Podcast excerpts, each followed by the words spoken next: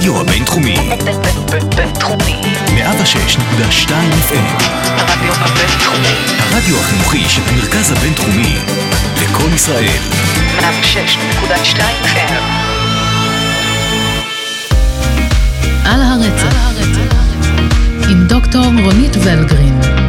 כל מה שהורים לילדים על הרצף רוצים לדעת.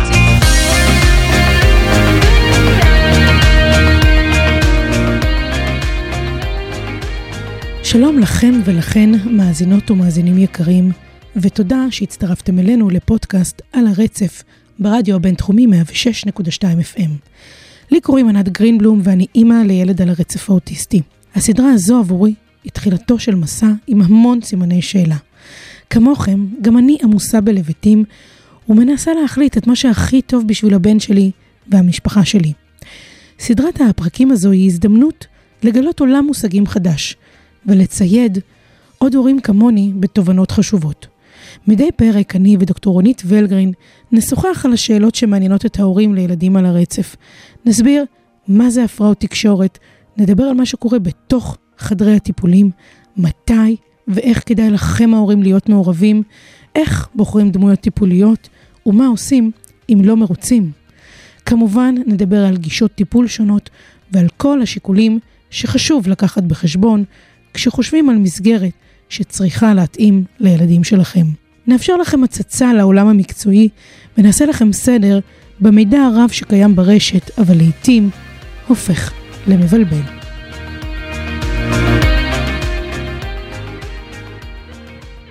היי רונית. שלום. אז דיברנו בהרחבה על גישות ועל סוגי טיפולים שיש, ואחרי שהסברנו באמת איזה סוגים של uh, גישות טיפוליות יש, דיברנו על ABA, על DIR, הזכרנו אותן, דיברנו על טיפולים של קלינאי תקשורת, פיזיותרפיה, uh, ריפוי בעיסוק. Uh, כמובן כל מיני טיפולים שאמרת שהם ממלאים באנרגיה את הילדים על הרצף, כמו למשל שחייה, או מוזיקה, אומנות, רכיבה טיפולית, באמת כל המגוון. אני רוצה לשאול אותך איזושהי שאלה שאני מניחה שמעניינת הורים רבים. מי בוחר את הגישה לדעתך? האם הדמות הטיפולית, ההורים, איך הילד, איך אנחנו יודעים שהילד שלנו יכול לבחור גישה? איך בוחרים? אז ככה, ילד בוודאי לא יכול לבחור גישה, אנחנו מדברים על ילדים צעירים. אנחנו כן רוצים להתאים את הגישה לילד. כדי להתאים את הגישה לילד, איש הטיפול שעוסק בעניין, צריך קודם כל להכיר את הילד. לשבת עם הילד, להבין מי זה הילד, לראות את הניואנסים, לראות מה עובד איתו, מה לא עובד איתו, איפה הוא משתף פעולה, איפה הוא נמנע, להכיר את הילד. צריך להכיר את ההורים. אנחנו כולנו בני אדם, כל אחד מתחבר למשהו אחר. לי מאוד נוח כשהדברים הם מסודרים, 1, 2, 3, לי מאוד מאוד ברור. לאנשים אחרים צריכים דברים הרבה יותר דיפוזיים. אנחנו רוצים שכשאנחנו חושפים גישות לפני ההורים, ההורים יתחברו לגישה שאנחנו חושבים שתואמת, מתאימה לילד. במידה וההורים לא, לא אוהבים את הגישה, לא מאמינים בה, לא מתחברים אליה, זה לא יעבוד. אנחנו חייבים את הגישה שתתאים למשפחה, להורים, לילד. כן, אני חושבת שאת ההחלטה על הגישות, בגלל הידע שקיים, צריך לעשות איש המקצוע. איך נראה החוזה הדמיוני או הלא דמיוני הזה שאנחנו כהורים חותמים עם איש המקצוע מולנו. מה שמים על השולחן, מה אולי לא שמים על השולחן, מה קורה שם? שאלה מורכבת. Uh, אני חושבת שהחוזה הוא לא דמיוני, אבל הוא לא חוזה על דף. אתה כהורה מביא את הילד אליי כדי לקדם אותו. זה הרעיון הבסיסי, זה הרציונל שמוביל אותך וזה הרציונל שמוביל אותי. אני רוצה שהילד יתקדם. אחד הדברים שנורא נורא חשוב, ואם ההורים לא עושים את זה לבד, אני אומרת להם, זה בסדר גמור שאתם לא מבינים שום דבר בעולם עולם האוטיזם, ובטח בעבודת קלינאית התקשורת. זה תחום הידע שלי, בגלל זה אני התמקצעתי, בגלל זה למדתי באוניברסיטה, בגלל זה אני עובדת. אני לא מכירה כלום בתחום ראיית החשבון שאתה עוסק בו. לא מבינה, לא מכירה. אז לכל אדם יש תחום ידע שהוא טוב בו. אתם הגעתם אליי. אני, חשוב לי שאתם תהיו איתי בכל התהליך הזה, וזה אני אומרת על השולחן, שיהיה מאוד מאוד ברור. העבודה היא לא שלי כקלינאי תקשורת מול הילד כשאתה יושב בחדר ההמתנה, או לחילופ, לחילופין יושב בחדר וצופה בטיפול, כי מה שקורה להורה שצופה בטיפול, אני אומרת את זה מהשטח, בשלב מסוים הוא גולש לטלפון הסלולרי, ובמידה ולא, העיניים מתחילות להירדם, ואני אומרת את זה לא בצורה שיפוטית, ההורה מותש. אם אתה יושב בצד וצופה, אני יודעת מה קורה לי כשאני יושבת בצד וצופה, אני מאבדת קשב. אני רוצה אותך אקטיבי. איתי, אקטיבי, איתי בכל התהליך. כדי שאתה תהיה איתי בכל התהליך, אתה צריך להבין עד השורה התחתונה מה אני עושה, למה אני עושה את זה, מה אני מנסה להשיג במה שאני עושה, מה נחשב בעיניי כהצלחה, לא בהכרח... בואי ניתן דוגמה.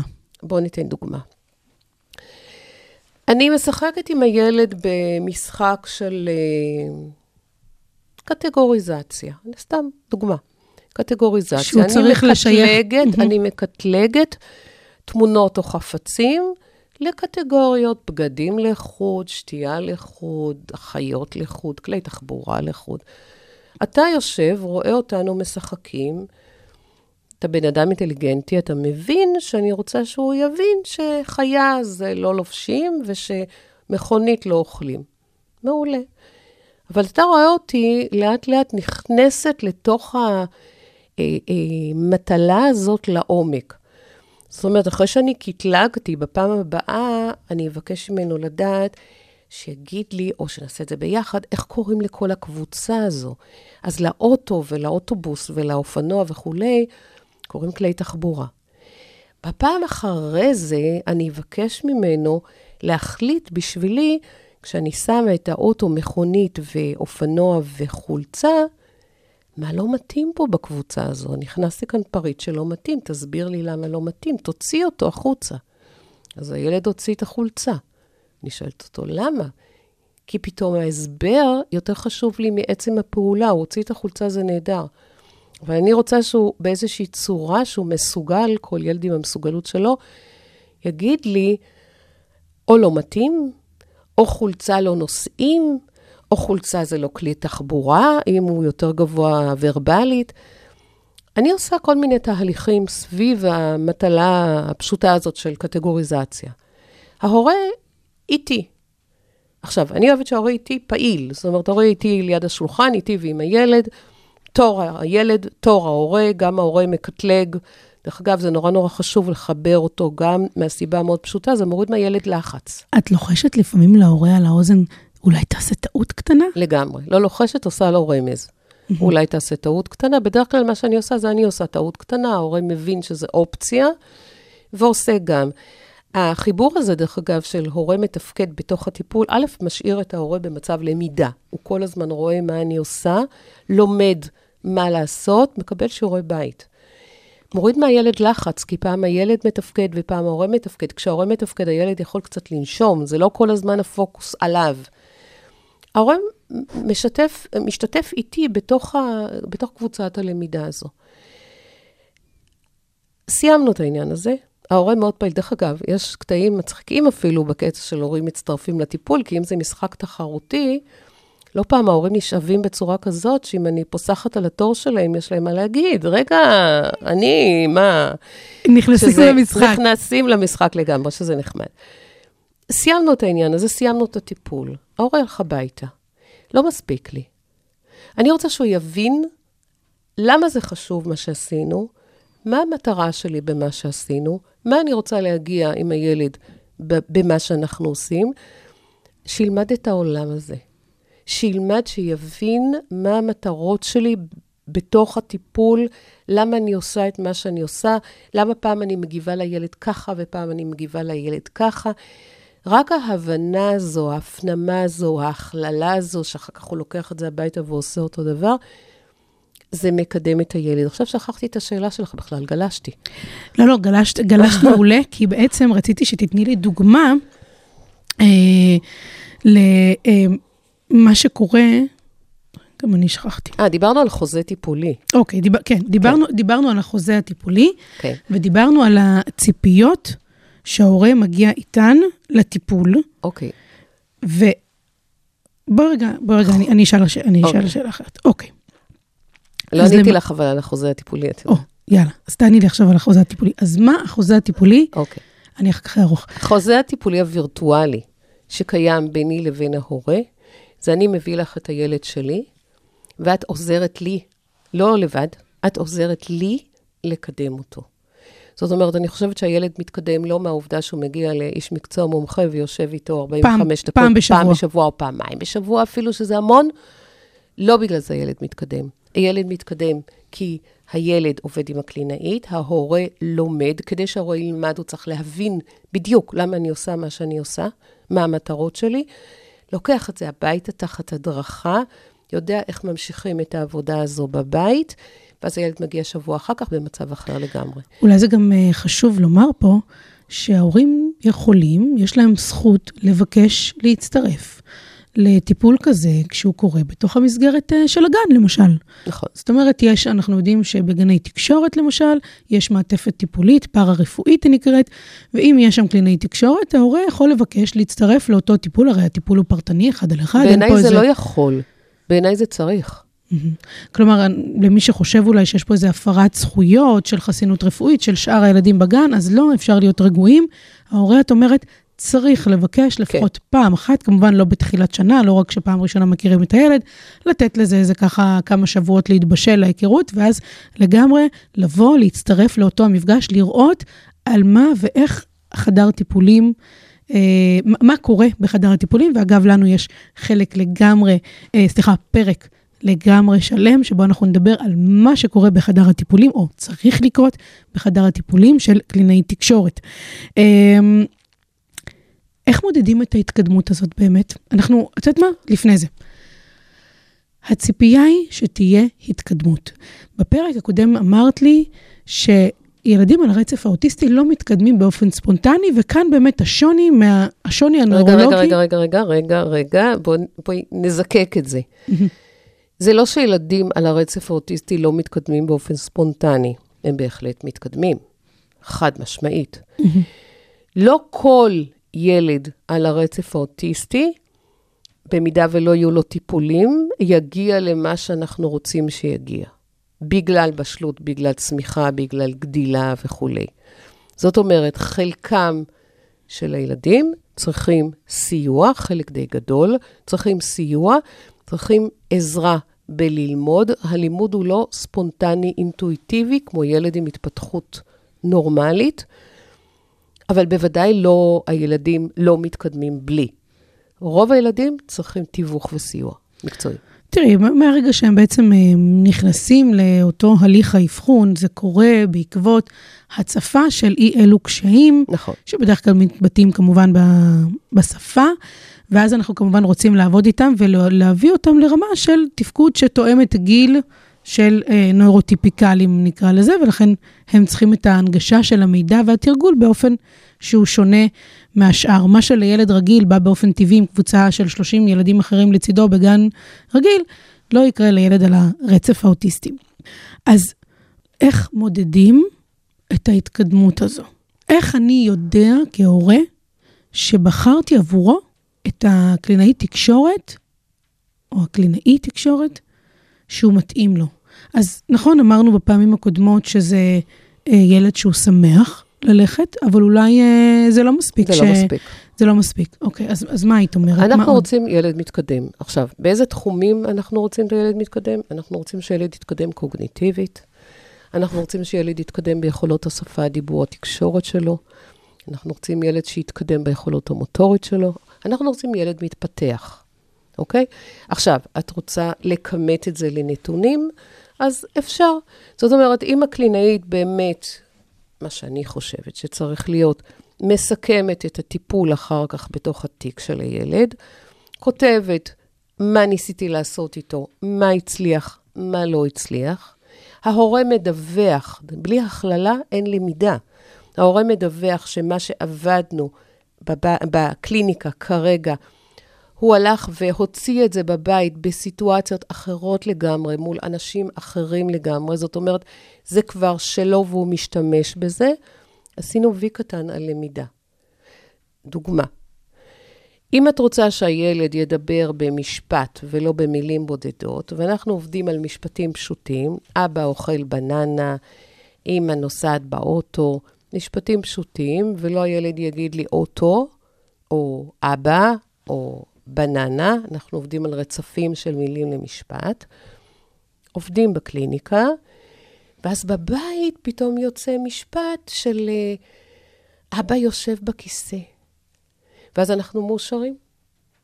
הנה אומרת, קרתה כאן הכללה. הנה קרתה כאן הכללה. יש פה הפנמה ויישום יש למידה, בסיטואציה אחרת. בדיוק, יש למידה. הילד עושה, הפנים, אה, הבין, מיישם, מכליל בסיטואציה אחרת לגמרי, לא רק מול הקלינאית ובחדר הקליניקה, יש למידה. אנחנו רוצים לראות התקדמות. עכשיו, תאמיני לי שברגע שיש התקדמות, ההורה רואה, פתאום יוצאים דברים חדשים. אפילו רק, אפילו אם ננטרל את הקטע הוורבלי. הוא הסתכל עליי. הוא היה אטנטיב, הוא היה קשוב אליי. הוא עשה מה שביקשתי.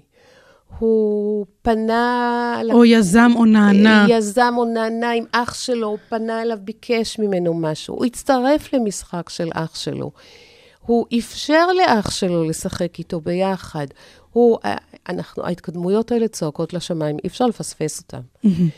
מאוד משמחות אותנו, את כולנו. אז, בוא, אז בואי נדבר באמת רגע מאותה שמחה, נעבור רגע לקצת פחות שמח, אבל okay. אוקיי. מציאותי, זה מה יש.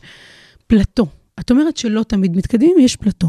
כמה זמן נמשך פלטו שאת אומרת, זה בסדר? זה נורמטיבי. תראי, בתהליך התפתחות, התהליך התפתחות והתקדמות הוא לא ליניארי. זאת אומרת, זה לא שהשבוע הוא הוסיף לו עוד חמש מילים, ובשבוע הבא עוד חמש מילים, כבר יש לו עשר, ואחר כך יהיו לו חמש עשרה. זה לא עובד ככה. יש תקופות שהילד רץ מהר קדימה, יש תקופות שהילד הולך קצת יותר לאט בהתקדמות שלו, ויש תקופות של פלטו, שאני לא רואה שינוי. אני סבלנית, אני אישית סבלנית לפלטו של חודש, חודש וחצי, חודשיים. אני כן כבר אנסה לברר, לראות מה קורה מסביב, האם הילד מרגיש טוב, אם הוא עבר איזושהי מחלה עונתית או משהו. אולי נולד לו אח קטן או אחות אולי נולד לו קטנה. אח קטן, אולי הוא התחיל גן חדש, אולי התחלפה הגננת, יצאה לחופשת לידה ויש דמות חדשה. מנסה להבין אה, דברים של מסביב שעשויים להפריע לו באמת לעשות איזשהו תהליך של התקדמות. זה לא חייב להיות משהו שלילי, זה יכול להיות גם משהו חיובי, אבל איזשהו שינוי באורח החיים הרוטיני שלו, הרגיל שלו, שיכול היה קצת לזעזע שם את המערכת. עדיין ילד חודשיים לא זז, אני אבדוק את עצמי. אולי משהו שאני עושה לא תופס, אולי הילד כבר התעייף, אולי אני צריכה להחליף אסטרטגיה. לפעמים אני אולי צריכה להחליף, אה, לפעמים צריך להחליף מטפל גם. זאת אומרת, זה גם לא מילה גסה. אני לא רוצה ילד שנשאר במקום חצי שנה, שנה. אני אישית לא מאלה שאומרים, הכל בסדר, תהיו רגועים, זו תקופה כזאת, בואו ניתן לו את השנה, שנתיים, אני בטוחה שהוא יתקדם. לא, אני לא שם. טוב, גם בגילאים הקטנים, השנה היא, מה זה שנה? זה, זה כל, באמת חודשיים, שלושה, זה, זה רבעון, זה תקופה קריטית, זה נכון. זמן ש... מה שנקרא, אסור לנו להפסיד אותו. אה, זה לא רק זה, אלא הילדים האחרים לא מחכים לו. זו נקודה מאוד חשובה. זאת אומרת, אם יש כרגע פער בינו ובין, אה, אם זה ילד בשילוב, ויש פער בינו ובין הילדים בגן, והוא נכנס לפלטו מאוד מאוד ארוך, הילדים בגן רצים קדימה בהתפתחות שלהם, ואז הפערים הולכים וגדלים. אנחנו לא רוצים את זה. זאת אומרת, אני לא סבלנית לפלטו ארוך מדי, אני כן אנסה לברר קודם כל מה קורה עם הילד, מעבר לטיפול בקליניקה, אבל אני גם אבדוק את עצמי, לראות מה, מה אני יכולה לעשות שנו, שינוי. עכשיו מצב הפוך. נניח שאת מרוצה. קורה שההורה לא מרוצה? כן. הוא בא אומר לך, אני, אני לא חושב שיש התקדמות. איך לגמרי. מגשרים על הפערים האלה? מדברים. יושבים בלי הילד, הורים מול מטפל, שמים על השולחן את כל מה שההורה מרגיש. המטפל שם על השולחן בדיוק להראות להורה איפה הוא חוש... אה, הילד, את הדוח ההתקדמות הזה. את בדיוק, ה- הילד מאוד מתקדם, זה מילים מאוד דיפוזיות בעיניי. זה לא אומר לי כלום. זה כמו לכתוב בדוח אה, ילד מקסים ויפהפה, שאני הרבה פעמים רואה בדוחות של אה, מטפלים. אחלה, נהדר. מה זה אומר לי מקצועית? כלום בכלום. אז אה, אה, אה, אתם יכולים להיות רגועים, הילד מתקדם, זה לא מספיק להורה. אז אם אתה רואה שהוא מתקדם, בוא, תשים, תפרוט לי את זה לפרוטות, תסביר לי איפה הילד יתקדם, כדי שאני גם אראה וגם אני אשמח, כי אני דואג. לשים על השולחן לדבר. הקטע של אה, לתקשר, לתקשר. לתקשר ולשאול שאלות, זה נורא נורא חשוב. אחד ה... באחת הקבוצות של אה, הורים לילדים על הרצף, אה, זה שמארגן את הקבוצה זורק אחת לפרק זמן, זורק איזו שאלה כזאת באוויר. ואחת השאלות שבאמת, ממש לאחרונה הוא זרק, זה העצה הכי טובה שקיבלתם בתחילת הדרך, להורים. ואני אה, אה, אסוציאטיבית, מה שקפץ לי זה תשאלו שאלות.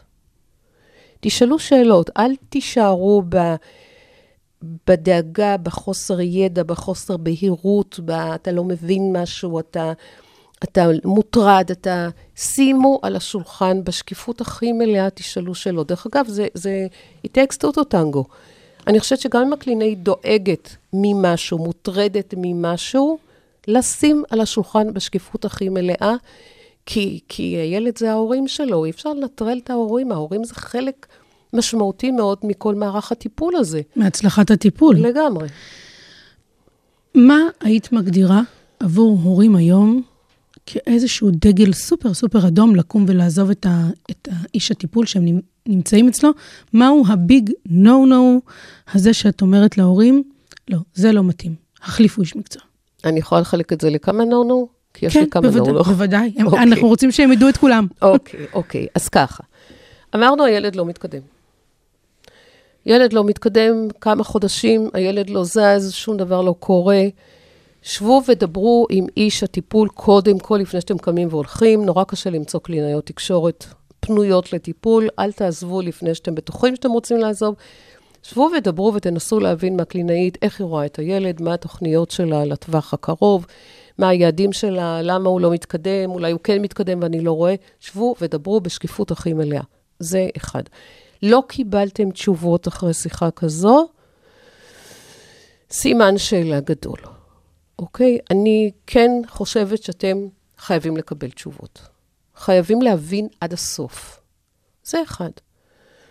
דבר שני, לילד אין כימיה מטפל. תשמעי, אנחנו עוסקים כאן בנפשות. יכולה להיות מטפלת, קלינאית לצורך העניין, אבל זה לא בהכרח רק קלינאית, מדהימה, מקצועית, ניסיון, הכל נהדר. לא התחבר עם לא הילד. התחבר עם הילד, אין כימיה, היא עובדת מדהים, היא, היא קידמה המון ילדים. עם הילד הספציפי שלי, אין לה כימיה. הוא לא רוצה להיכנס אליי לחדר, אני רואה שהוא הוא, הוא, הוא לא רוצה, הוא לא רוצה, הוא לא רוצה. היא מנסה, מנסה, מנסה, הילד, אין כימיה. קומו ותחליפו. דבר נוסף, לכם אין כימיה עם המטפל, שזה גם יכול להיות. יכול להיות טיפול נהדר, שהקלינאית מתפקדת עם הילד נהדר, הילד מבסוט להגיע אליה. אתם לא, אתם לא מדברים, אין לכם שפה משותפת, אתם לא אני מתקשרים חייבת אחד עם לספר על השני. אה, באמת חברה שהיא גם אה, אימא לילדה על הרצף, שסיפרה לי שהגיעה לקלינאית שקיבלה אותה בפיג'מה. אה, וואלה? כן. אז את יודעת, אז את אומרת לעצמך, אוקיי, אז את, לפעמים יש אנשים... אולי זה training טיפולי. כן. יש, יש אנשים שלהורה הזה, לאימא הזאת ספציפית, זה לא בא בטוב. עכשיו, יכול להיות שזה כן מעיד או לא מעיד על המקצועיות, או על רמת הטיפול, או על, ה, או על הכימיה, אבל, אבל אני אומרת, לפעמים את לא יודעת באמת איזה, מה עושה לנו, לפעמים נכון. אפשר to point out, אפשר להצביע על מה שעושה את הכימיה, ולפעמים לא. נכון. אבל את אומרת באמת לשים לב שיש פה הרמוניה, חייבת להתקיים חייבת להיות הרמוניה. הרמוניה גם עם ההורים, גם עם הילד. הילד חייב להיות משתף פעולה. ילד שלא משתף פעולה לאורך זמן מצביע על איזושהי בעיית תקשורת בינו ובין המטפל, לאו דווקא שלו, אלא הדדית. הילד לא מתקדם, ואם אתם לא מקבלים תשובות לשאלות שלכם, דרך אגב, לא בהכרח לקלינאית יש תשובות על כל דבר. אבל כן צריכה להיות, צריך להיות... קשב, אה, ערוץ דיב- פתוח. דיבור פתוח, בדיוק. דיבור, ערוץ פתוח, לשאול שאלות, להבין, נורא חשוב. לא קיבלתם את זה, תעברו הלאה. על הרצף, עם דוקטור רונית ולגרין. כל מה שהורים לילדים על הרצף רוצים לדעת. דוקטור רונית ולגרין, תודה רבה. הפרק הזה הוא עוד פרק של להדפיס, לגזור, לתלות מול העיניים, כללים חשובים שצריך לזכור כל הזמן לאורך כל הדרך. אז תודה רבה לכם על ההאזנה, אני מקווה שנהנתם כמוני. אה, וכמובן, תצטרפו אלינו לפרקים הבאים, גם ברדיו הבינתחומי 106.2 FM, גם בספוטיפיי, אפל פודקאסט ובכל אפליקציות הפודקאסטים המוכרות. נדבר על שאלות וסוגיות שכל כך חשובות לחייהם של ילדים על הרצף האוטיסטי. כמו בכל סוף פרק, נאמר שכל הנאמר בסדרת הפודקאסטים על הרצף ברדיו הבינתחומי 106.2 FM אינו מהווה תחליף לייעוץ מקצועי, וכמובן, כפי שאתם ודאי יודעים, אין שני אנשים זהים על הספקטרום האוטיסטי, אז זכרו שכל ילד וילדה הם עולם ומלואו בפני עצמה ועצמו, ולפני שאתם מקבלים החלטה, התייעצו עם מומחים. אנחנו נשתמע בפרק הבא. כל הנאמר בפודקאסט על הרצף אינו מהווה תחליף לייעוץ מקצועי. על הרצף, עם דוקטור רונית ולגרין. כל מה שהורים לילדים על הרצף רוצים לדעת.